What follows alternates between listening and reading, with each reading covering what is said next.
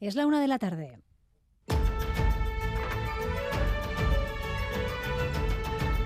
Crónica de Euskadi con María Cereceda.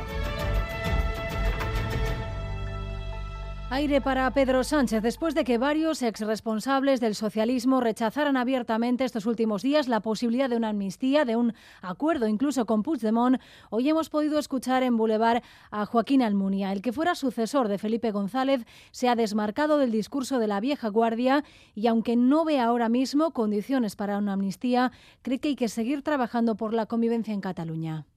La amnistía como tal es una institución jurídica que está en nuestra legislación desde la ley del siglo XIX. La Constitución actual española no lo cita, pero está en el debate político. Hay que ver cómo se podría utilizar, eh, cuáles son las condiciones y cuál es el interés político que se trata de eh, defender. No, creo que sea un debate eh, blanco o negro ha animado a Pedro Sánchez a intentar esa investidura y a seguir dialogando, aunque pide también un gesto político a quienes lideraron el proceso para seguir avanzando.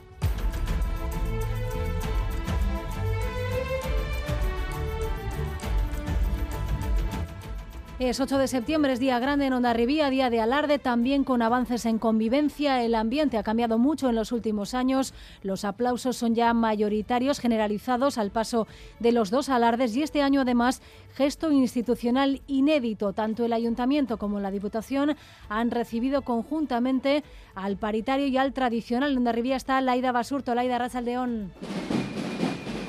Racha León, gesto que ha valorado positivamente la compañía mixta Jaizkibel, aunque lo ve insuficiente. El nuevo alcalde de Ondarribía, Igor Emparandea Bochaniz, reconocía que aún queda mucho camino para la reconciliación, que la reconciliación es el diálogo. Escuchamos al alcalde y también a la diputada general de Guipúzcoa, Aider Mendoza, del PNV, que también ha estado presente en ambas recepciones. Es nuestra voluntad, desde luego, trabajar en esa vía de abrir diálogos, construir puentes para que la ciudadanía ondarribitarra pueda reconciliarse otra vez, al igual que estuvo reconciliada hace más de eh, medio siglo. La Diputación Foral de Guipúzcoa ha querido estar en Ondarribía mostrando su respeto hacia todas las expresiones, puesto que es la manera que tenemos para reconocernos y así proceder a un diálogo.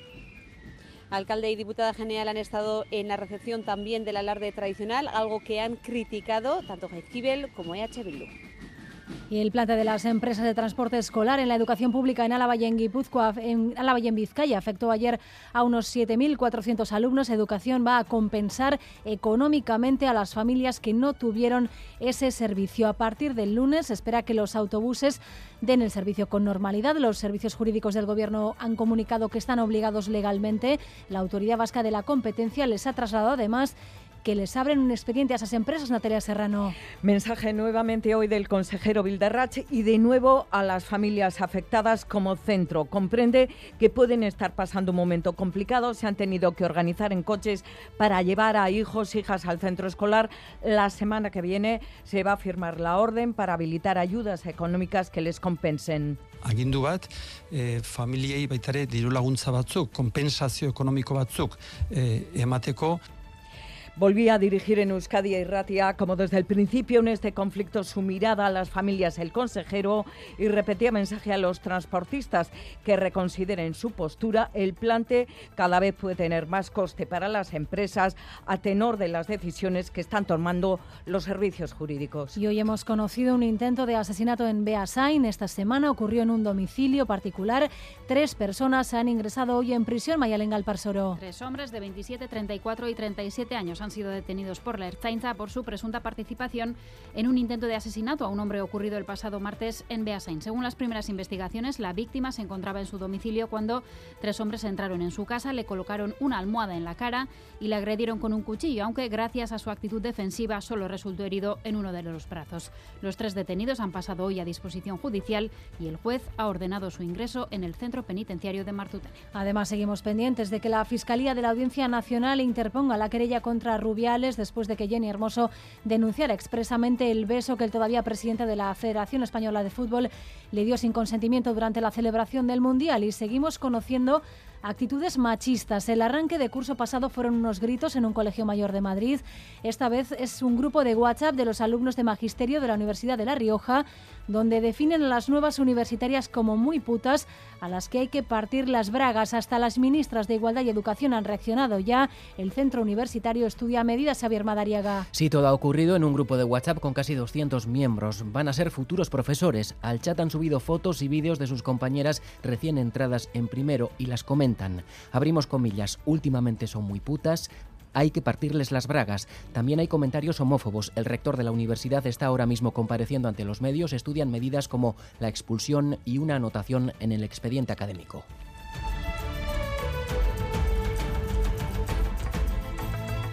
El cineasta japonés Hayao Miyazaki recibirá el premio Donostia de Cinema al Día en la gala inaugural de esta edición. El creador de películas como El viaje de Chihiro o La princesa Mononoke recibirá el galardón en Tokio. La entrega tendrá un carácter virtual y en la gala inaugural se proyectará su nueva película, El chico y la garza. José Luis Rebordinos.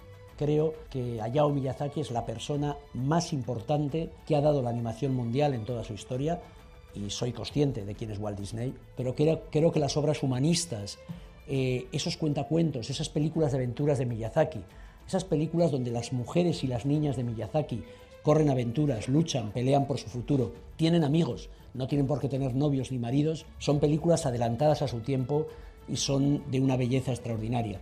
Los otros dos premios Donostia de este año serán para Víctor Erice, que recibirá el galardón en el Teatro Victoria Eugenia, donde se proyectará la película Cerrar los Ojos, y Javier Bardem, que debido a la huelga de actores de Hollywood recogerá el premio el año que viene. El jurado oficial de esta edición de Cinema al Día estará presidido por la directora francesa Claire Denis. Titulares también del deporte, Álvaro Fernández Cadierno, Arrachaldeón. Hola Arrachaldeón, sin fútbol en primera, ni masculino ni femenino, pero con muchas citas. Por un lado, se disputa en Donostia la Supercopa Ibérica de balonmano. Hoy semifinales Vera Vera, Benfica, Elche, Madeira. En la vuelta tenemos etapa reina con final en el mítico Turmalet en baloncesto. Conoceremos a los finalistas del Mundial. De momento se ha clasificado Serbia, ha ganado a Canadá. En breve se juega en Estados Unidos, Alemania y además comienza en Francia la Copa del Mundo de Rugby.